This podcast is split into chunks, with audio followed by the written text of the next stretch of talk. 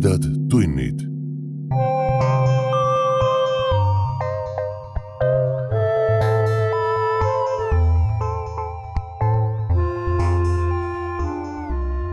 tere, hea ulmesõber. sa hakkad kuulama õudus- ja ulmejutu vestmis podcasti Tumedad tunnid neljakümne seitsmendat osa. mina olen saatejuht Priit Öövel jaanuarikuine hingetõmbepaus on möödunud linnulennul ja hinge tõmmata väga ei saanudki. nagu Facebookis teada andsime, liitus meie tumedate tundide perega ootamatult uus lugeja Aimi. me täname kõiki südamest õnnitluste eest.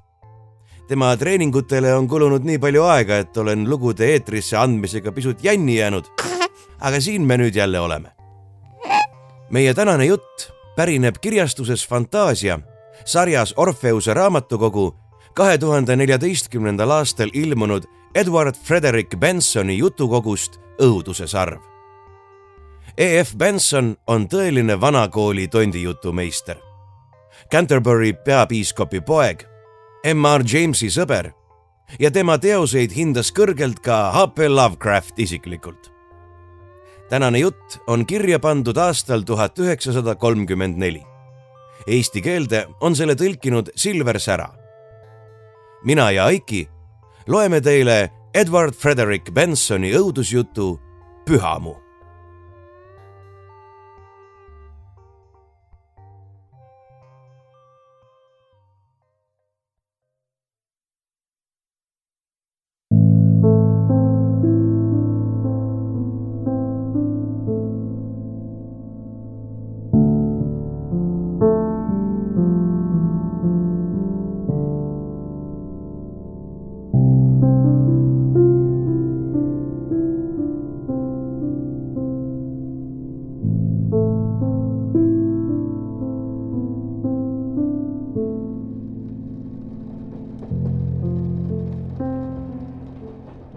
Francis Elton veetis parajasti kahenädalast puhkust jaanuarikuises Engadinis, kui ta sai telegrammi, milles teatati tema onu Horace Eltoni surmast ja asjaolust, et ta on pärinud vägagi korraliku varanduse. telegramm lisas, et kadunu tuhastamine toimub samal päeval ja seetõttu oli tal võimatu sellest osa võtta ning polnud mõtet koju kiirustada kaks päeva hiljem saabunud advokaadi kirjas mainis härra Angus täpsemaid detaile. pärandus koosnes umbes kaheksakümne tuhande naela väärtusest turvalistest väärtpaberitest ja Hampshire'i väikese Wedderburni linna lähedal asuvast kinnisvarast. see viimane kujutas endast kena maja, aeda ja väikest maatükki, kuhu oli võimalik ehitada hooneid. kõik oli jäetud Francisele aga pärandisaajal lasus kohustus maksta aastas viissada naela reverend Owen Bartonile. Francis teadis väga vähe oma onust, kes oli elanud pikemat aega peaaegu erakuna. tegelikult polnud ta näinud teda peaaegu neli aastat, mil ta oli viimati veetnud kolm päeva koos onuga selles majas Wedderburnis. tal olid nendest päevadest hähmased ent rahutuks tegevad mälestused. ja nüüd teel koju, kui ta lebas vappuvas rongis naril, aju sobramas uniselt nendes ammustes mälupiltides, hakkas ta neid uuesti päevavalgele kaevama. Nendes ei olnud midagi väga konkreetset. Need koosnesid hägustest muljetest, juhuslikest fragmentidest, tähelepanekutest, mis olid tabatud vaid nii-öelda silmanurgast ja mida ta polnud kunagi lähemalt uurinud.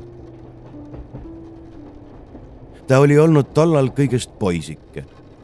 ta mäletas, et oli äsja koolist tulnud ja sel kuumal lämbel augustikuul suvevaheajal onule külla läinud, et hiljem Londonisse eraõpetaja juurde prantsuse ja saksa keelt õppima minna.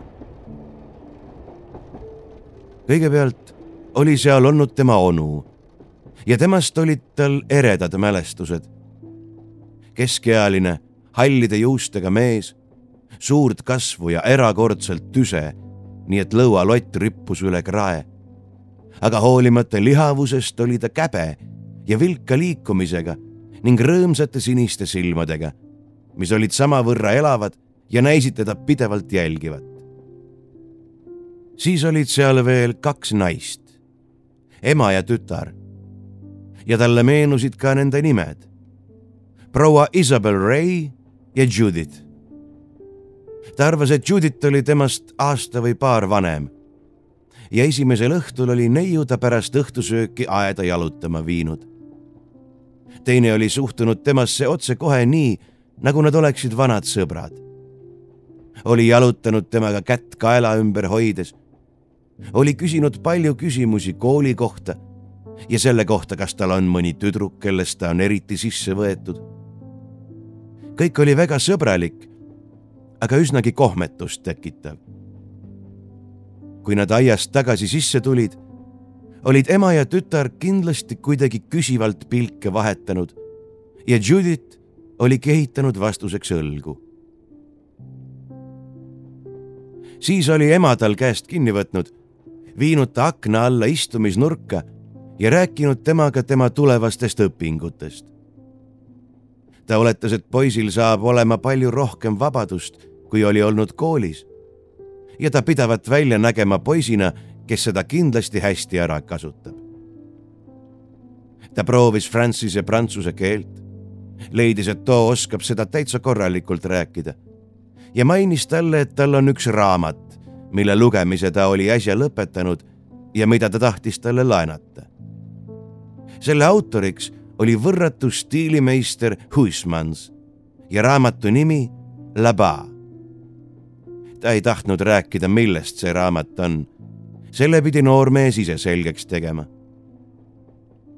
kogu selle aja püsis vestluspartneri kitsaste silmade uuriv pilk tema näol. ja kui naine magama läks, viis ta poisi oma tuppa, et raamat üle anda. Ka Judith oli seal. Judith oli seda lugenud ja naeris seda meenutades.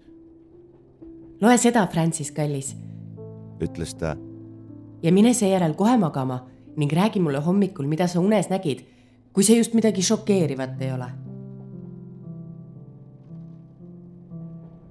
rongi vibreeriv rütm tegi Francise uniseks. aga tema vaimusilma ette kerkisid endiselt need mälus pikalt uinunud fragmendid. seal oli olnud veel üks mees, onu sekretär, nooremapoolne, võib-olla kahekümne viie aastane korralikult raseeritud lõuaga, sale ja üleüldiselt rõõmsalt elava olemisega, nagu teisedki. kõik suhtusid temasse mingisuguse kummalise aupaklikkusega, mida oli raske sõnastada, ent kerge tajuda. Mees istus tol õhtul söögilauas Francis'e kõrval ja muudkui täitis tema veiniklaasi, tahtis siis poiss seda või mitte. ja järgmisel hommikul oli mees tulnud pidžaamas tema tuppa, istunud ta voodile, vaadanud kummaliselt küsiva pilguga otsa, uurinud, kui kaugele ta on raamatuga jõudnud ja viinud ta siis aia sügavuses asuvasse basseini kümblema. ujumisriideid pole vaja, ütles ta.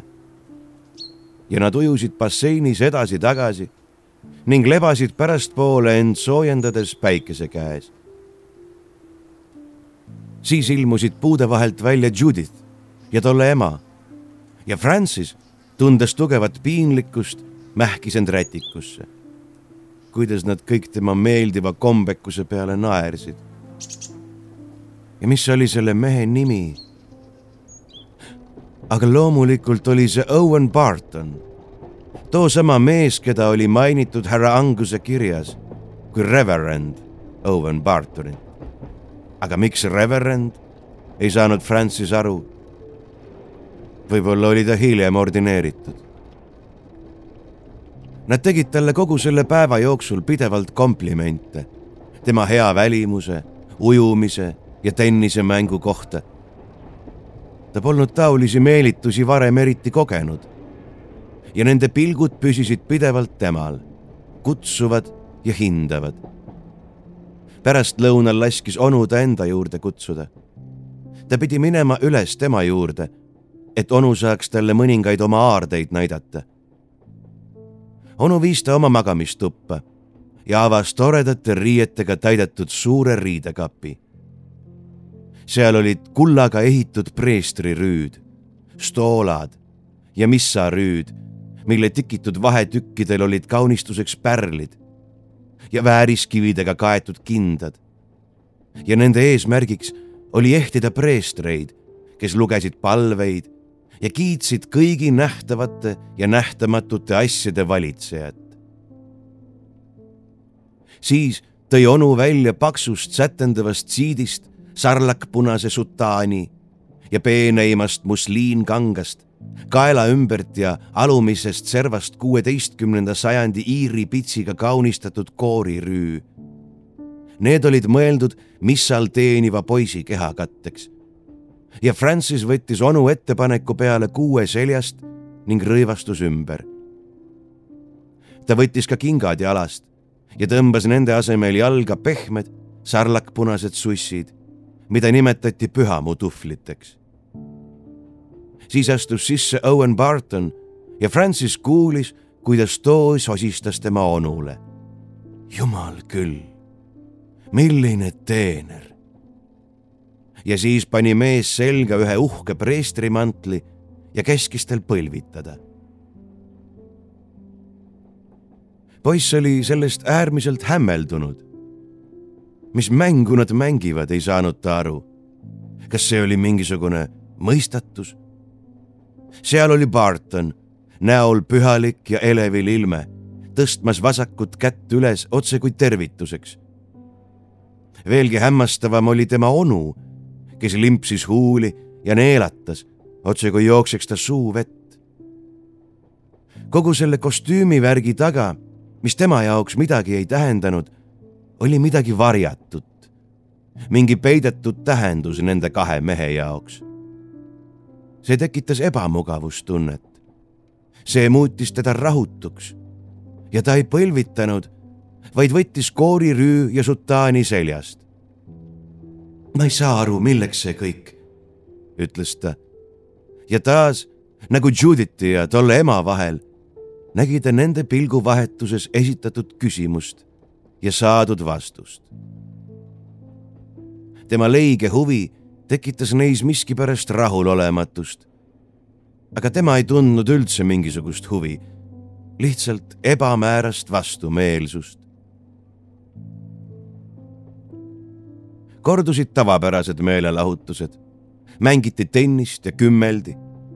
aga need kõik näisid tema jaoks olevat oma põnevuse kaotanud sel õhtul riietus ta varem ümber kui teised ja istus suure toa sügavas aknaaluses tugitoolis, lugedes raamatut, mille proua Ray oli talle laenanud. ta ei jõudnud sellega edasi. see ajas teda segadusse ja prantsuse keel oli raske. ta mõtles, et annab selle tagasi ja ütleb, et see käis üle jõu. just sel hetkel astus naine koos ta onuga sisse Nad vestlesid omavahel ega märganud teda. ei, pole mõtet, Isabel, ütles onu. ta ei tunne huvi, tal pole kalduvusi. see tekitab temas ainult vastumeelsust ja tõrjub eemale. niimoodi ei saa hingi võita. ka Owen arvab nii. ja ta on liiga süütu. kui mina olin tema vanune, siis, aga näe Francis ongi siin. mida poiss loeb? ah jaa, see raamat. mis sa sellest arvad? Francis pani raamatu kinni. ma jätan pooleli, ütles ta. ma ei suuda seda lõpuni lugeda. proua Ray naeris ka mina olen nõus, Horace, ütles ta. aga kui kahju Francisele jäi miskipärast mulje, et nad olid rääkinud temast. aga kui see oli nii, siis mille suhtes tal kalduvusi polnud? ta oli sel õhtul üsna vara voodisse heitnud. talle tundus, et teda isegi julgustati selleks, jättes teised bridži mängima. ta jäi varsti magama, aga ärkas millalgi, arvates, et kuulis palvelaulu siis lõi kell kolm korda. vaikus ja siis veel kolm korda. ta oli liiga unine, et huvi tunda, mida see tähendab.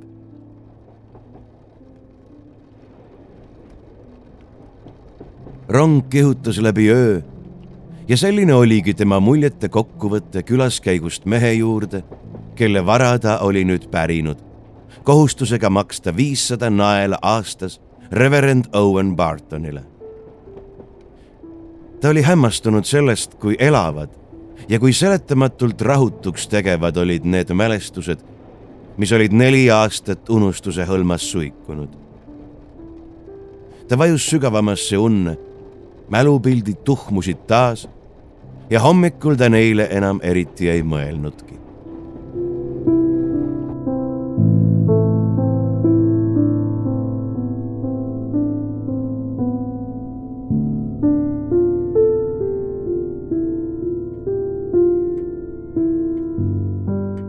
Ta läks härra Anguse juurde kohe, kui olid Londonisse jõudnud. surmaga seonduvate kulude katteks tuli müüa mõningaid väärtpabereid, aga kinnisvara hooldamine oli lihtne asi.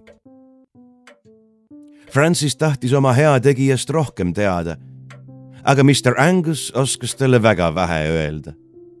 Horace Elton oli elanud Wedderburnis mitu aastat äärmiselt eraklikku elu ja tema ainuke lähedane kaaslane oli olnud härra Owen Barton.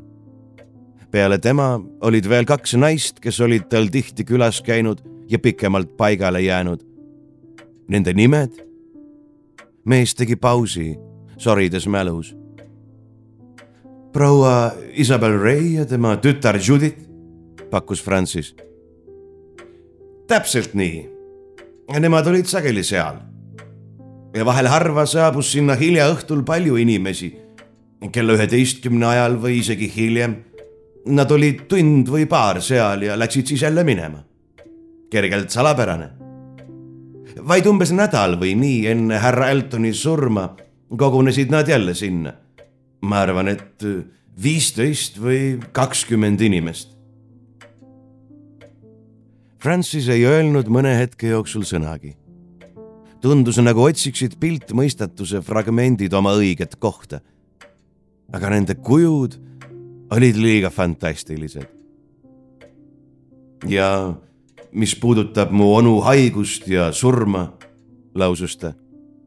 tema surnukeha tuhastati samal päeval, kui ta suri. vähemalt niimoodi sain ma telegrammist aru. ja, see oli nii, kinnitas härra Angus. aga miks? ma oleksin pidanud otsekohe Inglismaale tagasi tulema, et ise kohal viibida kas see polnud ebaharilik? jah, härra Elton, see oli ebaharilik. aga selleks olid põhjused. mulle meeldiks neid kuulda. mina olen tema pärija ja oleks olnud väga viisakas, kui ma oleksin ise kohal olnud. miks siis? Angus kõhkles hetkeks. see on arusaadav küsimus sõnas ta. ja ma tunnen kohustust vastata. ma pean alustama veidi kaugemalt. Teie onu oli ilmselgelt suurepärases tervislikus seisundis kuni umbes nädalani enne tema surma. ta oli väga tüse, aga elav ja aktiivne. ja siis algasid hädad alguses ilmnesid need mingisuguse raske vaimse ja hingelise häirituse vormis. ta arvas miskipärast, et sureb õige pea. ja mõte surmast tekitas temas ebanormaalset paanilist hirmu. ta saatis mulle telegrammi, et teha testamendis mõningaid muudatusi. ma olin ära ja sain kohale tulla alles järgmisel päeval ning selleks ajaks oli ta juba liiga raskes seisundis et mingisuguseidki arusaadavaid juhiseid anda. aga minu arvates oli tal kavatsus härra Owen Barton pärijate hulgast välja jätta. taas pidas advokaat väikese pausi. ma sain teada, jätkas ta, et selle päeva hommikul, mil ma Wedderburni sõitsin, oli ta lasknud kohale kutsuda koguduse vaimuliku ja pihtinud talle. mida ta pihtis, sellest pole minul loomulikult vähimatki aimu. kuni selle ajani oli ta viibinud paanilises hirmus. ent oli füüsilises mõttes tema ise.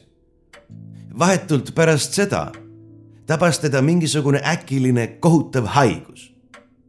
Londonist ja Bournemouthist kohale kutsutud arstidel polnud aimugi, millega on tegu. Nad oletasid, et see on mingisugune tundmatu mikroob, mis tekitab nahas, kudedes ja luudes kõige kiiremat ja kohutavamat laastamistööd. see oli otse kui mingi organismi sisene mädanemine. näis, nagu ta olekski juba surnud. ma ma tõesti ei tea, mis mõtet on seda teile rääkida. ma tahan teada, ütles Francis. jah, see mädanemine. sealt tulid välja elusorganismid, otse kui laibast. tema põetajatel läks süda pahaks ja ruum kubises pidevalt kärbestest, suurtest rasvastest kärbestest, mis sibasid mööda seinu ja voodit haige oli täie teadvuse juures ja see pöörane surmahirm ei andnud järele. kuigi oleks võinud arvata, et inimese hing oleks olnud vägagi tänulik, et taolisest elupaigast pääseda. ja kas härra Owen Barton oli tema juures? küsis Francis. hetkest, kui härra Elton oli pastorile pihtinud, keeldus ta seda meest vastu võtmast ükskord ta siiski tuli tema tuppa ja toimus šokeeriv stseen. Surev mees kriiskas ja röökis hirmust. ka ei soovinud ta näha kahte naist, kellest me rääkisime. miks nad ikka seal majas viibisid, ma ei oska ettegi kujutada. siis tema maise elu viimasel hommikul, ta ei suutnud enam kõneleda, sirgeldas ta paberile sõna või paar ja näis, et ta tahab armulauda. nii et saadeti vaimuliku järele. Vana advokaat vakatas. Francis nägi, et mehe käsi väriseb. seejärel juhtus erakordselt kohutavaid asju, ütles ta. ma olin toas, sest ta andis märku, et oleksin ta juures. ja ma nägin neid oma silmaga vaimulik oli valanud veini peekrisse, asetanud leiva pateenile ja oli valmis need pühitsema. kui tema ümber tekkis parv kärbseid, millest ma teile rääkisin. Need täitsid peekri nagu mesilaste parv. Need rüvedad putukad maandusid tuhandete kaupa pateenile ja paari minutiga oli peeker tühi ja leib söödud seejärel võib öelda, et otsekui väljaõppinud sõjaväena maandusid nad pilvena teie onu näole. nii et seda polnud enam üldse näha. ta hingeldas ja hakkas lämbuma. siis läbistas teda veel üks tugev kramp. ja jumal tänatud, kõik oli lõppenud. ja edasi küsis Francis. kärbsed olid kadunud. Viimane kui üks. aga surnukeha oli vaja otsekohe kremeerida ja voodiriided koos sellega. see oli tõesti kirjeldamatu šokk. ma poleks teile rääkinudki, kui te poleks peale käinud.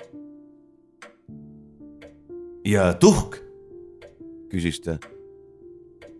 Te näete, et tema testamendis on tingimus, et tema põrm tuleb matta Wedernburnis, tema aeda, basseini juures kasvava juudapuu alla. nii tehtigi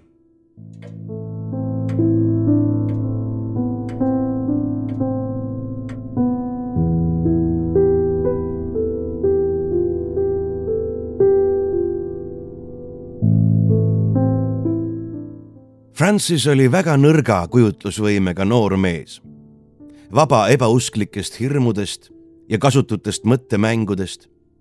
Ja see lugu, olgugi vihjav teatud kohutavatele üleloomulikele allhoovustele, ei hakanud ta peas kummitama ega tekitanud temas rahutuid fantaasiaid. see kõik oli väga võigas, aga see oli minevik. ta läks koos oma leseks jäänud õe ja tolle üheteistaastase väikese pojaga lihavõttepühade ajaks Wedderburni ja nad kõik armusid sellesse paika. Õige pea jõuti otsusele, et Sybil Marsham peab suvekuudeks oma Londoni maja välja üürima ja end Wedderburnis sisse seadma. Dickie, kes oli õrn poiss, üsna kummaline ja haldjataoline, saaks niimoodi hingata värsket maaõhku ja Francisel oleks samuti kasud sees, sest majas elaksid inimesed ning ta õe juhtimisel oleks majapidamine korras, mil iganes Francis saaks aega töö kõrvalt sinna kohale tulla. maja ise oli telliskivist ja puidust, mõeldud elamiseks poolele tosinale inimesele ja see oli ehitatud lamedale künkale, väikese linna teistest majadest kõrgemale. kohe, kui nad kohale jõudsid, tegi Francis majas ringkäigu ja oli üpris üllatunud, kui leidis, kuidas selle nägemine värskendas tema mälus väiksemaidki üksikasju. seal oli elutuba kõrgete raamatukappidega ja sügavate aknaaluste toolidega, kust avanes vaade aiale. seal oli ta märkamatuks jäädes istunud, kui onu ja proua Ray olid juttu ajades sisse astunud. teisel korrusel asus onu tahveldatud seintega magamistuba koos suure riideid täis kapiga onu toas otsustas ta end ise sisse seada. ta avas kapi. rõivad olid kaetud õhukese paberiga ja Iiri pitsiga kaunistatud peenlõuend sätendas sarlakpunaselt ning kuldselt. riiete kohal hõljus kerge viiruki lõhn. selle kõrval asus onu elutuba ja veel edasi tuba, kus ta oli kunagi maganud ja mis kohandati nüüd Dikile Need toad paiknesid maja eespoolses küljes. Neist avanes vaade lääne suunas, aiale ja ta läks välja, et uuendada sellega oma vana tutvust. akende all asusid erksatest kevadistest õitest tulvil lillepeenrad. Neist edasi algas muru ja veel kaugemale jäi puude kaar, mis ümbritses basseini. ta astus mööda jalgrada mille mõlemal küljel kasvasid nurmenukud ja ülased ning jõudis veesilma ümbritsevale lagedale platsile. selle kaugemas servas seisis riietumismaja ja selle kõrval asus lüüs, millest langes vahutav vesi alla kanalisse, sest oja, mis varustas tiiki veega, oli märtsivihmadest küllastunud. puudesalu ees seisis toredalt lilledega ehitud juudapuu ja selle virvendav peegelpilt langes rahutule veepinnale. kuhugi nende punaste õitega kaetud okste alla oli maetud urn tuhaga. ta tegi tiiru tiigi ümber. see oli aprillituulte eest korralikult kaitstud ja mesilased toimetasid agaralt punastel õitel. mesilased ja suured rasvased kärbsed. palju kärbseid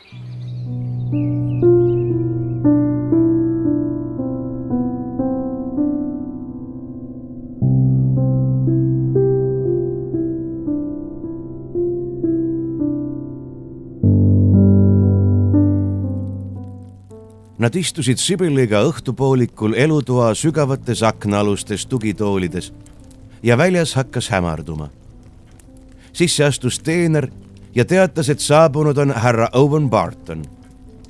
loomulikult olid nad kodus, mees juhatati sisse ja tutvustati Sibelile. vaevalt, et te mind mäletate, härra Elton, ütles ta.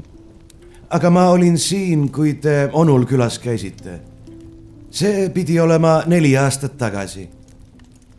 aga ma mäletan teid väga hästi, vastas tema. me käisime koos ujumas, me mängisime tennist. Te olite õeda poisi vastu väga lahke. kas te elate endiselt siinkandis? jaa, ma üürisin pärast teie onu surma Wedernburnis maja. ma töötasin kuus õnnelikku aastat koos temaga, tema sekretärina ja kiindusin väga siinsesse maakohta. minu maja seisab kohe teie basseini ümbritsevasse metsasalusse viiva väikese aiavärava vastas. uks avanes ja sisse astus Dickie. võõrast nähes ta peatus. ütle härra Bartonile tere, Dickie. ütles ta ema. Dickie täitis viisakalt selle kohustuse ja silmitses meest. Tavaliselt oli ta arglik poiss aga pärast mõningaid uurivaid pilke astus ta mehe juurde ning asetas käed tolle põlvedele. Te meeldite mulle, ütles ta usalduslikult ja nõjatus mehe vastu. ära tüüta härra Bartonit, Tiki, lausus ema üsna järsult. aga ta ei tee ju midagi sellist, ütles Barton ja tõmbas poisi endale lähemale, nii et too seisis ta põlvede vahel Sibyl tõusis püsti. tule, Tikk. lausus ta. Lähme jalutame aias ringi, enne kui pimedaks läheb. kas tema tuleb ka? küsis poiss. ei, tema jääb siia onu Francisega juttu ajama. kui kaks meest jäid omaette, ütles Barton sõna või paar Horace Eltoni kohta, kes oli talle alati väga lahkeks sõbraks olnud. lõpp halastavalt lühike, oli olnud kohutav. ja kohutav temale isiklikult oli olnud surija keeldumine teda viimasel kahel päeval vastu võtta. tema mõistus ei olnud ilmselt selge, sest ta kannatused olid kirjeldamatud. vahel juhtub niimoodi, inimesed pöörduvad nende vastu, kellega on olnud kõige lähedasemad. Ma olen selle peale tihti nukrusega mõelnud ja seda sügavalt kahetsenud. ja ma võlgnen teile teatava selgituse, härra Elton. kindlasti tekitas teis küsimusi, kui märkasite, et teie onu testamendis oli minu tiitliks reverend. see on täiesti tõsi. ehkki ma ise end niimoodi ei nimeta. teatavad hingelised kahtlused ja raskused sundisid mind vaimuliku seisusest loobuma aga teie onu oli järjekindlalt arvamisel, et kes preestriks võetud, see preestriks ka jääb. ta oli selles osas väga kindlameelne ja kahtlemata oli tal õigus. ma ei teadnudki, et mu onu huvitasid vaimulikud asjad, ütles Francis. ah, ma olin tema preestri rõivad unustanud. Aga võib-olla oli see ainult armastus ilusate riiete vastu. kindlasti mitte ta pidas neid pühadeks esemeteks, mis määratud teenima pühasid eesmärke. ja kui ma tohin küsida, mis sai tema põrmust? ma mäletan tema kunagist soovi, et teda maetaks basseini äärde. tema keha tuhastati, ütles Francis ja tuhk maeti sinna. Barton lahkus varsti ja Sibyl tundis tagasi tulles siirast kergendust, kui nägi, et mees on läinud. too lihtsalt ei meeldinud talle. mehes oli midagi veidrat, midagi halva endelist. Francis naeris selle peale. täitsa tore mees, mõtles ta. Unenäod on loomulikult lihtsalt üks kompott vaimsetest kujutlustest ja seostest ning sel ööl nägi Francis väga meeldejäävat und, mis võis olla väga hästi tekkinud taolistest asjadest. talle tundus, et ta ujub koos Owen Bartoniga tiigis ja et tema onu, tüse ja näost punetav, seisab juudapuu all ja vaatab neid.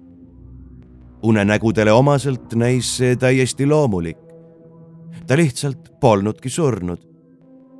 kui nad veest välja tulid otsis ta oma riideid. aga leidis hoopis, et talle on valmis laotatud sarlakpunane preestrikuub ja pitsidega kaunistatud koorirüü. taas tundus see täiesti loomulik. nagu ka see, et Barton tõmbas selga kuldkollase preestrimantli. tema onu, kes oli väga rõõmus ja limpsis huuli, ühines nendega ja nad võtsid tal üks-ühest, teine teisest käest kinni ja kõndisid kirikulaulu lauldes koos maja poole tagasi väljas hämardus ja selleks ajaks, kui nad üle muruplatsi jõudsid, oli juba pime öö ning maja akendes säras valgus. Nad kõndisid endiselt lauldes trepist üles onu magamistuppa, mis oli nüüd tema jagu. Voodi vastas oli lahtine uks, mida ta polnud kunagi varem märganud ja ukse avast paistis erakordselt ere valgus. sealt edasi algas õudusunenägu, sest tema kaks kaaslast haarasid temast tugevasti kinni ja hakkasid teda selle poole vedama. ning tema rabeles vastu, teades, et seal sees on midagi kohutavat. aga ehkki ta võitles meeleheitlikult, tirisid nad teda sammhaaval edasi. ja siis lendas ukse avast välja parv suuri rasvaseid kärbseid, mis laskus sumisedes tema peale. Nende kiht muutus üha paksemaks. Need katsid ta näo, ronisid silmadesse ja ka suhu, kui ta hingeldades õhku ahmis. ta ei suutnud sellele meeletule ahastusele enam vastu panna ja ta ärkas, higisena ning puperdava südamega. Ta pani tule põlema ent toas oli vaikne. väljas oli märgata koidu hahetust ja esimesed linnud tegid juba häält.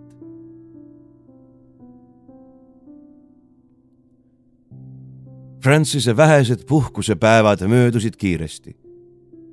ta jalutas külasse, et vaadata Bartoni maja ja leidis, et see on väga hubane väike elamine ja selle omanik erakordselt meeldiv inimene Barton õhtustas ühel päeval koos nendega. ja Sibyl läks nii kaugele, et tunnistas, et tema esimene hinnang mehe kohta oli olnud ennatlik.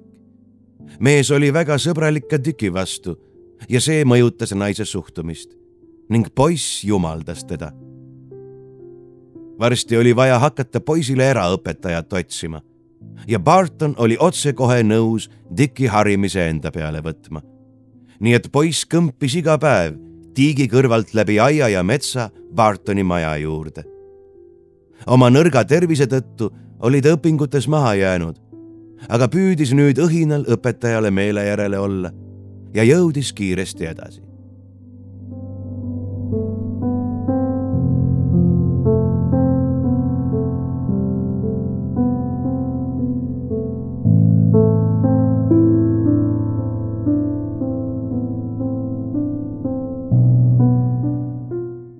Sel ajal kohtusin mina esimest korda Francisega.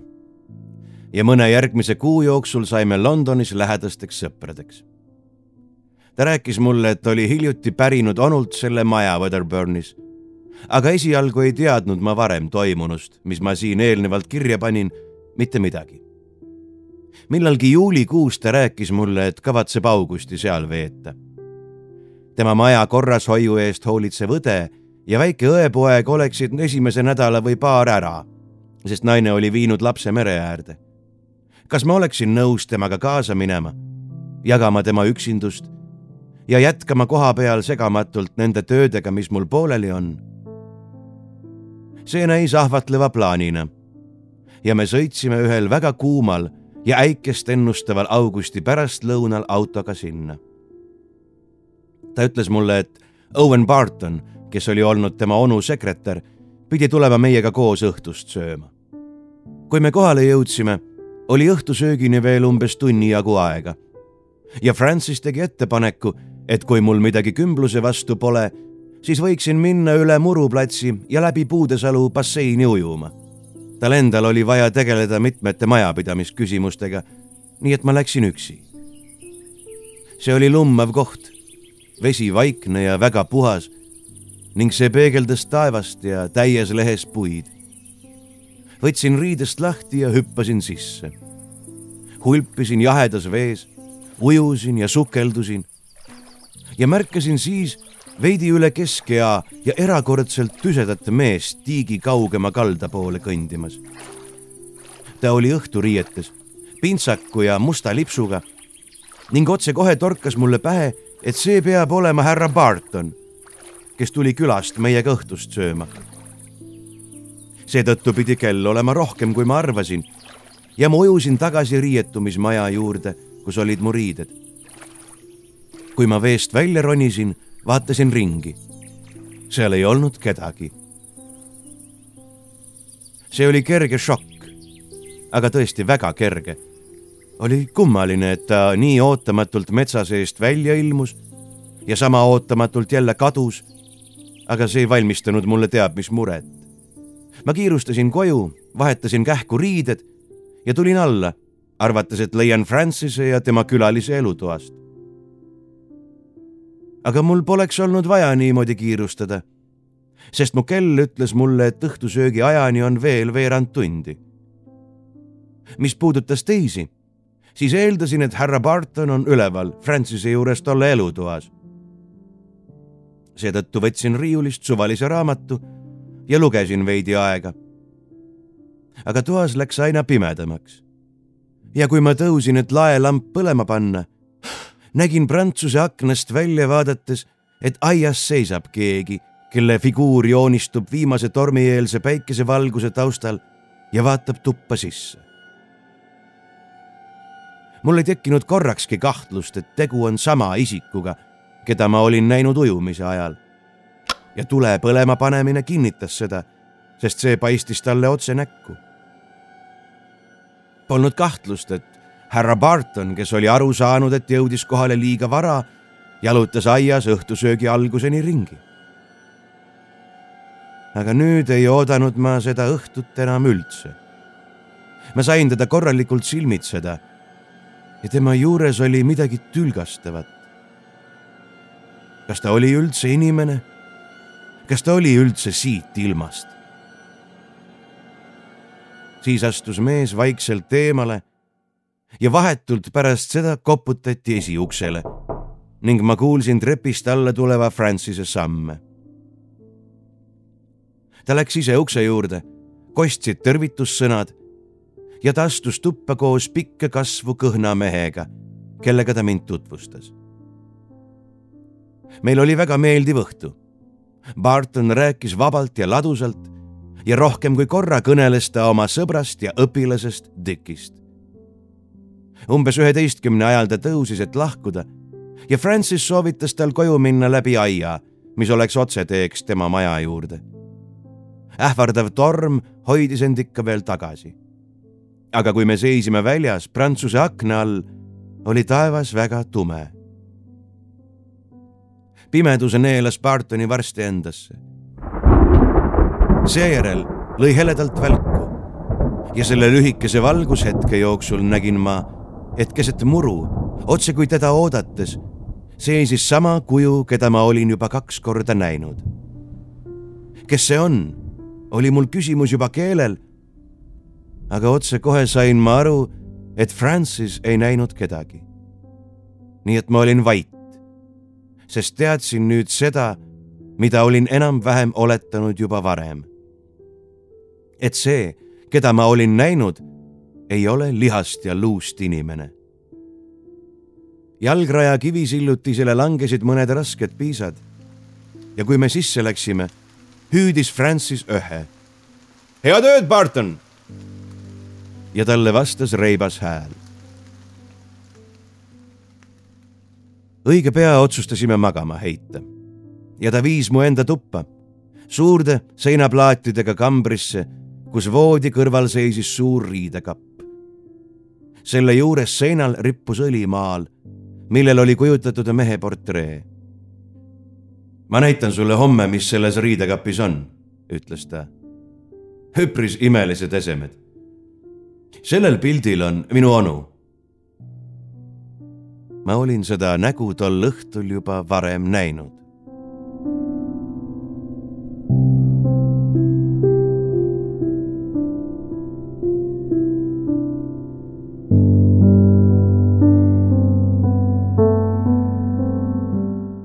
järgmise kahe või kolme päeva jooksul ei näinud ma seda kohutavat külalist kordagi.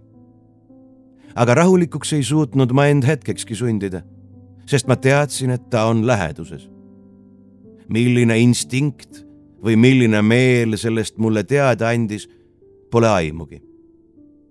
võib-olla oli see pelgalt hirm tema võimaliku järjekordse nägemise ees, mis taolise veendumuse tekitas. ma kavatsesin öelda Francisele, et pean tagasi Londonisse minema. seda tegemast takistas mind kihk rohkem teada saada ja see sundis mind sellele külmale hirmule vastu panema.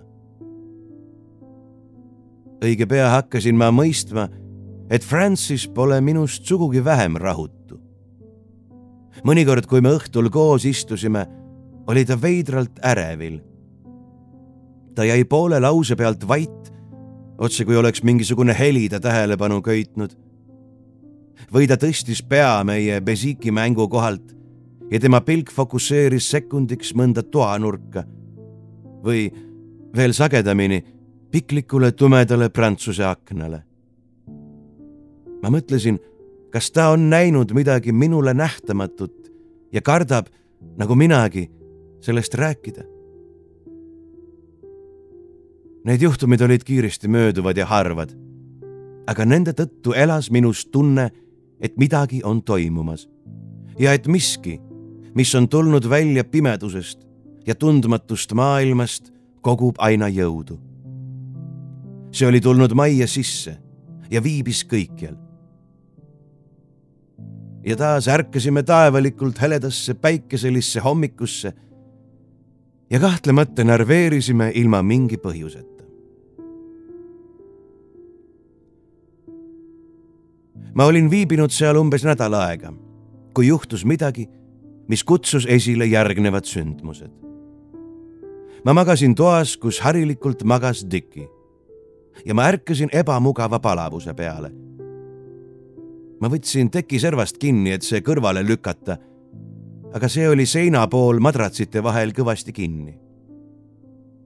lõpuks sain selle vabaks ja samal hetkel kuulsin, kuidas midagi laperdades põrandale kukkus hommikul tuli see mulle uuesti meelde ja ma leidsin voodi alt väikese märkmiku. avasin selle erilise huvita. leidsin seest kümmekond ümara lapseliku käekirjaga kaetud lehte ja see tekst sundis mind tähelepanelikuks. neljapäev, üheteistkümnes juuli. nägin täna hommikul metsas taas vanaonu Horace'it ta rääkis mulle midagi minust endast, millest ma aru ei saanud, aga ta ütles, et see hakkab mulle meeldima, kui ma vanemaks saan. ma ei tohtinud rääkida kellelegi, et ta seal on, ega sellest, mida ta oli mulle öelnud, välja arvatud härra Bartonile. mind ei häirinud kriipsu võrragi asjaolu, et ma loen poisi isiklikku päevikut see polnud enam mingisugune argument, mis väärinuks kaalumist. ma keerasin lehte ja leidsin järgmise sissekande. pühapäev, kahekümne esimene juuli. nägin jälle onu Horace'it. ma ütlesin talle, et rääkisin härra Bartonile sellest, mis ta oli mulle öelnud ja et härra Barton oli jutustanud mulle veel rohkemgi ja et ta oli rahul ja et ta ütles, et ma teen edusamme ja õige pea võtab ta mu palve lugemise juurde. ma ei suuda kirjeldada seda õudust ja ängistust, mida need sissekanded minus tekitasid. Need muutsid selle ilmutise, mida ma olin näinud, reaalsemaks ja halvaendalisemaks. selles majas kummitav vaim oli pahatahtlik ja õel ning plaanitses midagi kurja aga mida mina tegema pidin?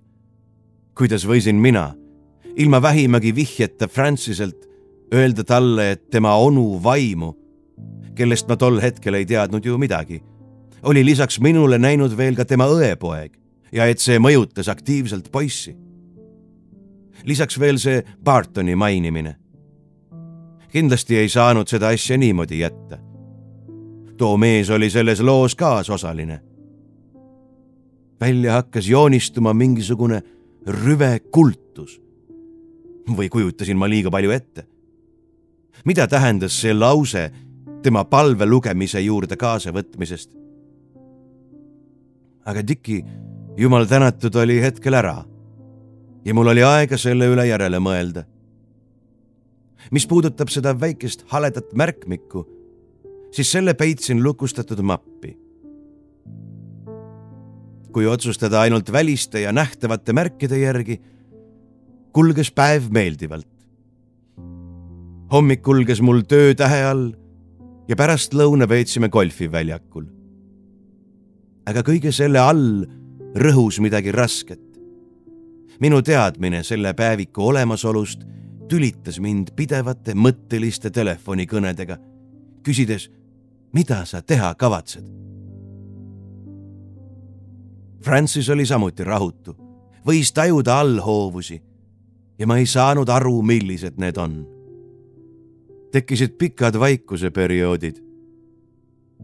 mitte loomulik tähelepandamatu vaikus kahe lähedase inimese vahel, mis on selle läheduse väljendusvormiks aga taoline vaikus, mis tekib nende vahel, kel on mõtteis midagi, millest nad kardavad rääkida. Need vaikuse hetked olid muutunud päeva kulgedes aina ebamugavamaks ja pinge kasvas. kõik tavalised jututeemad mõjusid banaalselt, sest nad varjasid ainult ühte kindlat teemat. me istusime tol lämmatavalt soojal õhtul enne sööki väljas murul ja ta osutas maja fassaadile, katkestades ühetaolise vaikuse viivu. Kummaline lugu, lausus ta. vaata, esimesel korrusel on kolm tuba, eks ole. söögituba, elutuba ja väike kabinet, kus sa kirjatööd teed. nüüd vaata üles. seal on kolm tuba sinu magamistuba, minu magamistuba ja minu elutuba. ma mõõtsin need üle. kaksteist jalga jääb puudu. Näib nagu oleks seal kusagil kinni müüritud tuba. siin oli vähemalt millestki rääkida. huvitav, ütlesin mina. kas me ei võiks seda asja uurida? uurime uurime kohe, kui oleme õhtustanud. on veel üks asi, hoopis teisest vallast. mäletad neid kostüüme, mida ma sulle eile näitasin? Ma avasin tund aega tagasi riidekapi, kus neid hoitakse. ja selle seest lendas sumisedes välja palju suuri rasvaseid kärbseid. nagu oleks tosin lennukit pea kohal müristanud. kaugel aga valjult. no kui sa saad aru, mida ma silmas pean. ja siis korraga olid nad kõik kadunud. mingil moel tajusin, et see, millest me vaikinud olime, hakkas välja tulema. see võis olla väga ebameeldiv vaatepilt. ta hüppas toolist püsti. lõpetame selle vaikimismängu, hüüatas ta. ta on siin ma pean silmas oma onu. ma pole sulle veel rääkinud, aga ta suri kärbseparves. ta palus armulauda, aga enne kui vein jõuti pühitseda, maandusid kärbsed peekri sees. Ja ma tean, et ta on siin. see kõlab kuradi haigelt, aga ta on siin. ma tean seda, ütlesin mina. ma olen teda näinud. miks sa mulle ei rääkinud? sest ma arvasin, et sa hakkad mu jutu peale naerma. mõne päeva eest oleksingi hakanud, ütles ta. aga enam mitte. räägi edasi. Esimesel õhtul, kui ma siin olin, nägin teda ujumisbasseini juures.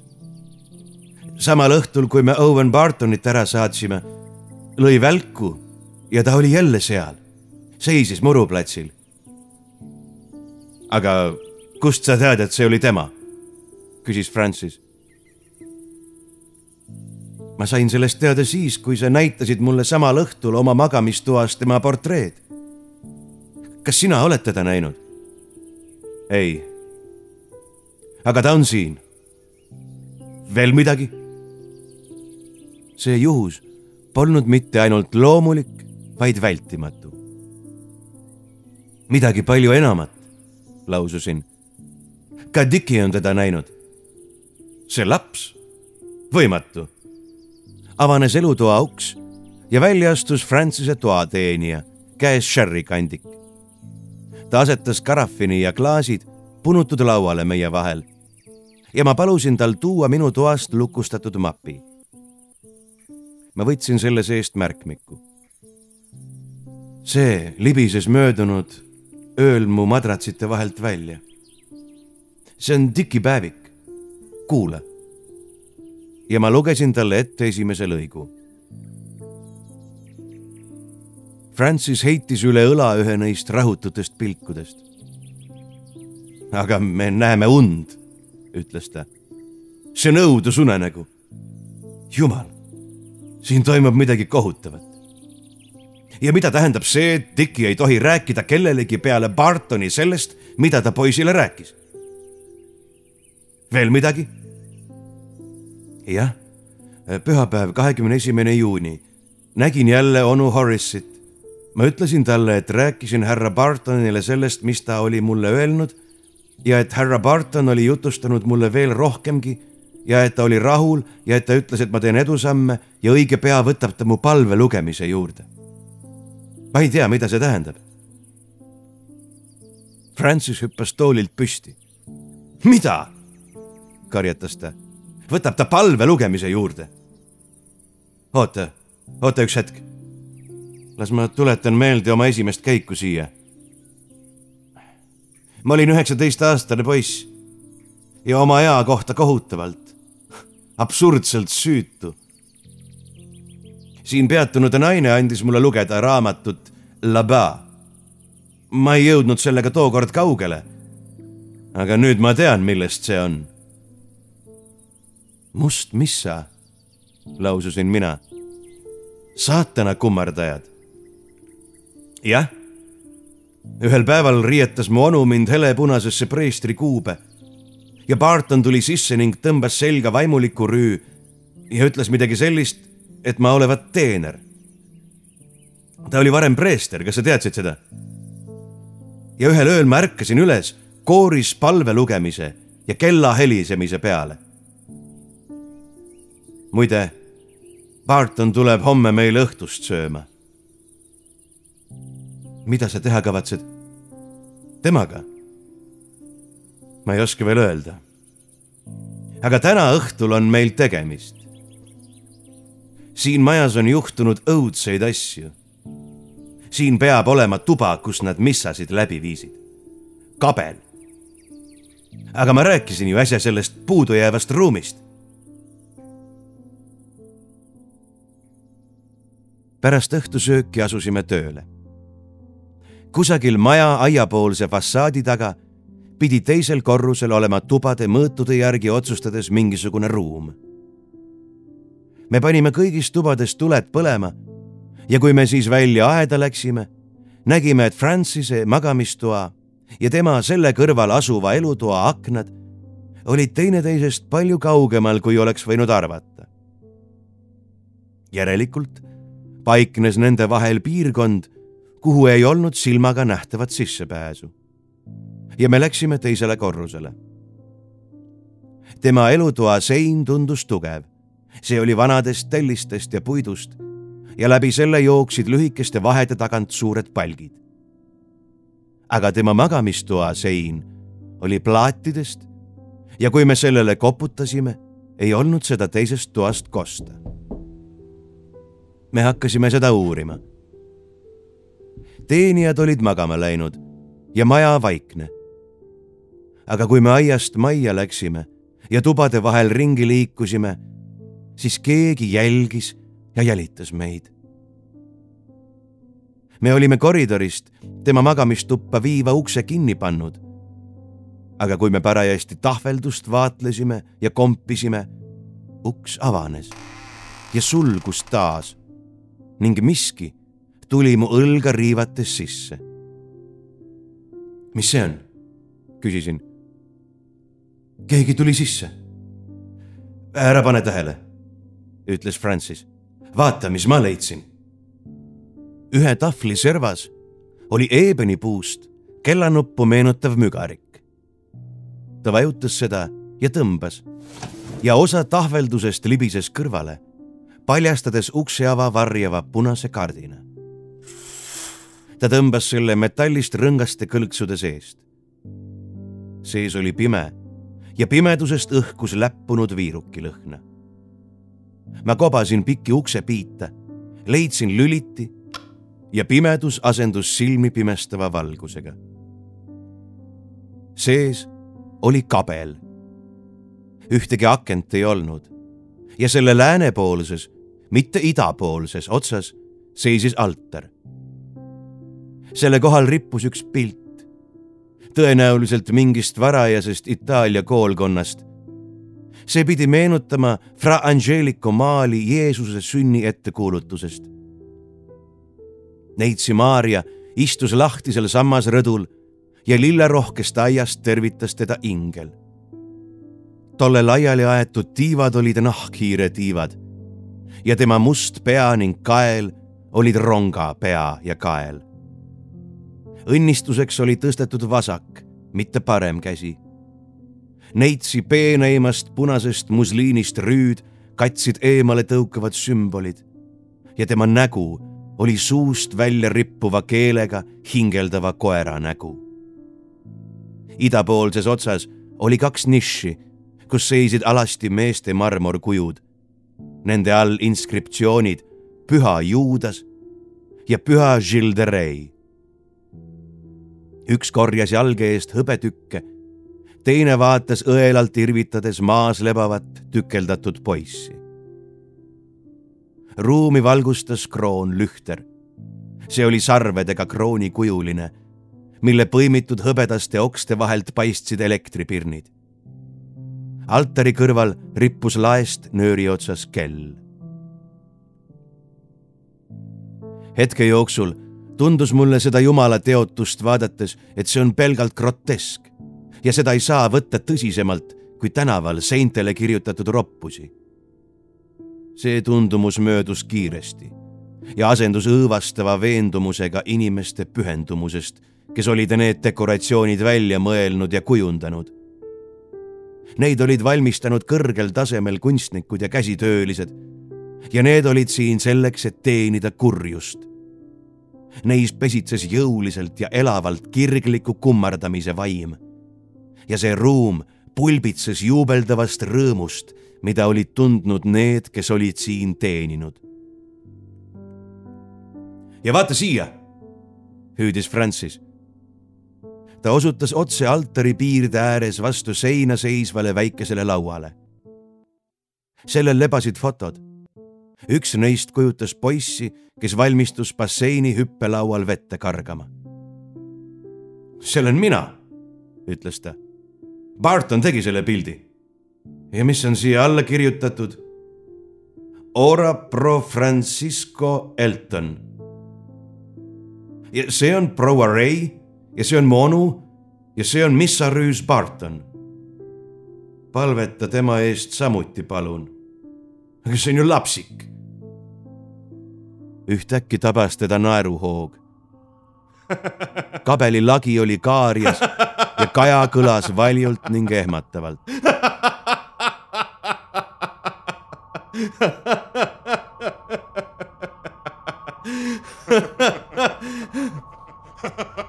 ta naer lõppes, ent Kaja mitte.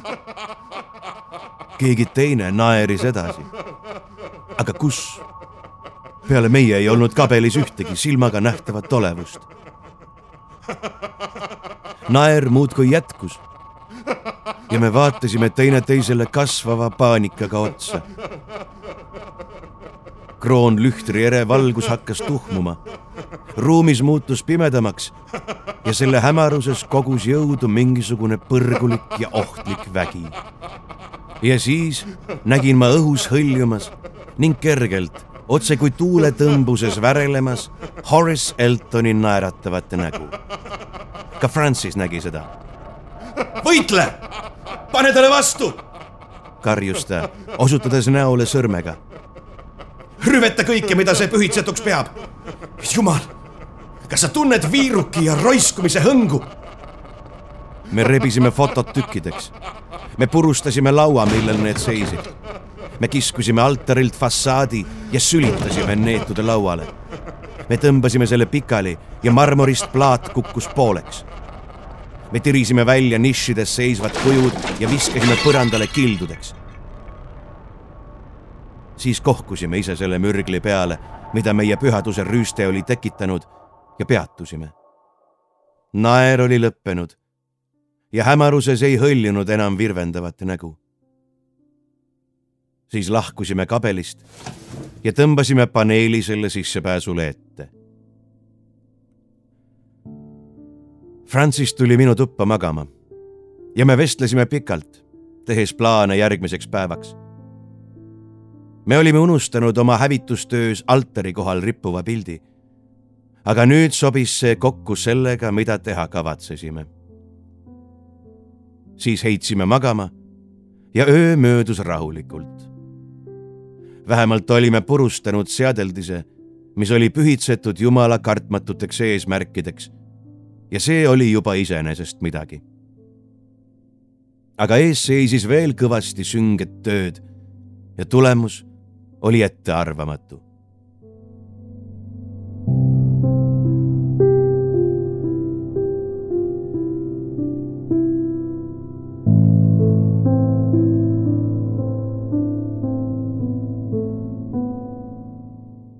Barton tuli tol õhtul meie juurde sööma ja tema koha vastas seinal rippus ülevalt kabelist toodud pilt. alguses ta seda ei märganud, sest toas oli üsna hämar, aga mitte nii hämar, et olnuks vaja tuled süüdata. ta oli rõõmus ja elav nagu alati, lobises huvitavalt ja vaimukalt ning küsis, millal tema sõber Dickie tagasi tuleb. söömaaja lõpupoole pandi tuled põlema ja siis nägi ta pilti.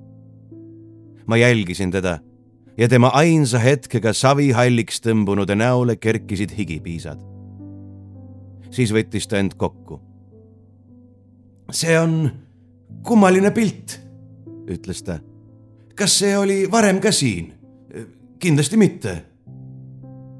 ei, see oli ühes teise korruse toas, ütles Francis. Dickie, ma ei tea, millal täpselt ta tagasi tuleb me leidsime tema päeviku ja peame praegu sellest rääkima. Tiki päeviku?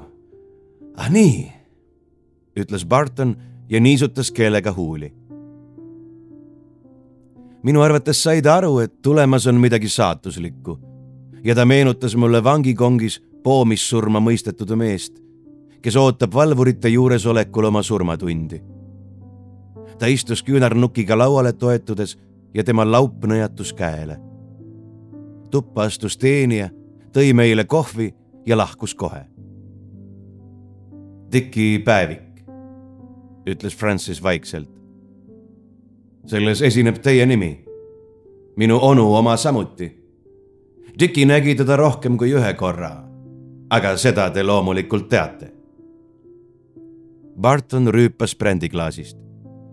kas te räägite mulle tondi juttu? küsis ta. palun jätkake. jaa, see on osaliselt tondi jutt, aga mitte täielikult. minu onu, tema vaim, kui soovite, jutustas poisile teatavaid lugusid ja ütles, et ta peab need salajas hoidma, aga teie eest mitte. ja teie jutustasite talle veel rohkem. ja te ütlesite, et ta tuleb teiega koos lähemal ajal palveid lugema kus see toimuma pidi? meie pea kohal asuvas toas? Brandi oli andnud surma mõistetud mehele hetkeks julgust. ainult valed ja valed, härra Elton, ütles ta. see poiss on hingeliselt rikutud. ta rääkis mulle asju, mida tema vanune poiss ei peaks teadma. ta itsitas ja naeris sealjuures. võib-olla oleksin pidanud ta emale ära rääkima nüüd on liiga hilja sellele mõelda, lausus Francis. päevik, millest ma rääkisin, jõuab homme hommikul kella kümneks politsei kätte. ka nemad uurivad teise korruse tuba, kus teil oli kombeks musta missat pidada. Barton kallutas end talle lähemale. ei, ei, karjatas ta. ärge tehke seda, ma palun teid jumala keeli. ma, ma tunnistan kõik üles ma ei varja midagi. kogu mu elu on olnud üks jumala teotus, aga ma kahetsen, ma kahetsen. ma ütlen nüüdsest lahti kõigist neist rüvedustest. ma salgan need kõik võimsa Jumala nimel maha. liiga hilja, ütles Francis. ja siis hakkas end ilmutama see õudus, mis ikka veel mu mõtetes kummitab. Õnnetu mees viskus tagasi tooli ja tema valgele särgi esisele kukkus ta laubalt pikk hall tõuk, mis hakkas seal vingerdama. sel hetkel kõlas ülevalt poolt kellalöök ja ta hüppas püsti. ei, karjatas ta veel kord. ma võtan kõik öeldu tagasi. ma ei ütle millestki lahti ja mu isand ootab mind pühamus. Ma pean olema kiire ja talle alandlikult pihtima hiiliva looma kõnnakul libises ta toast välja ja me kuulsime tema kärmeid samme trepist üles minemas. kas sa nägid? sasistasin. ja mida me tegema peame? kas see mees on hull?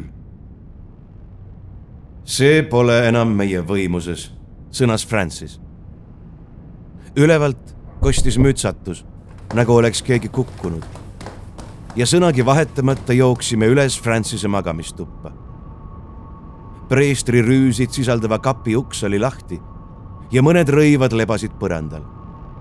ka paneel oli eest ära, ent selle taga valitses pimedus. tundes hirmu selle üle, mida me näha võiksime, kobasin lülitit ja panin tule põlema. kell, mis oli mõne minuti eest kõlisenud, kiikus kergelt, kuid vaikis nüüd kuldtikanditega preestrirüüs Barton lebas pikali lükatud altari ees. tema nägu tõmbles. siis jäi ta nägu liikumatuks.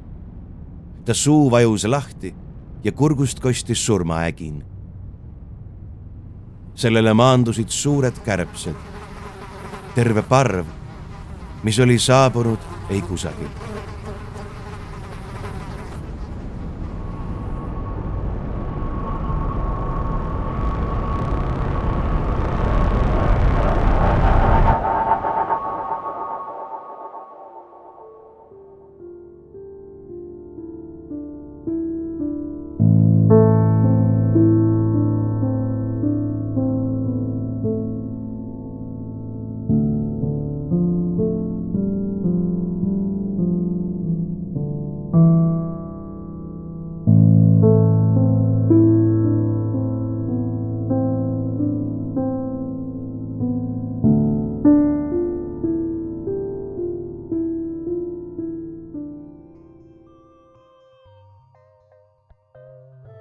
Te kuulsite Edward Frederick Bensoni õudusjuttu Pühamu, eesti keelde tõlkinud Silver Sära.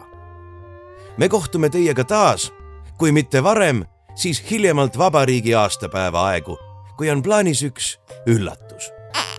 seni jagage meid oma sõprade ja vaenlastega ning võimalusel hakake meid toetama aadressil patreon.com kaldkriips tumedad tunnid.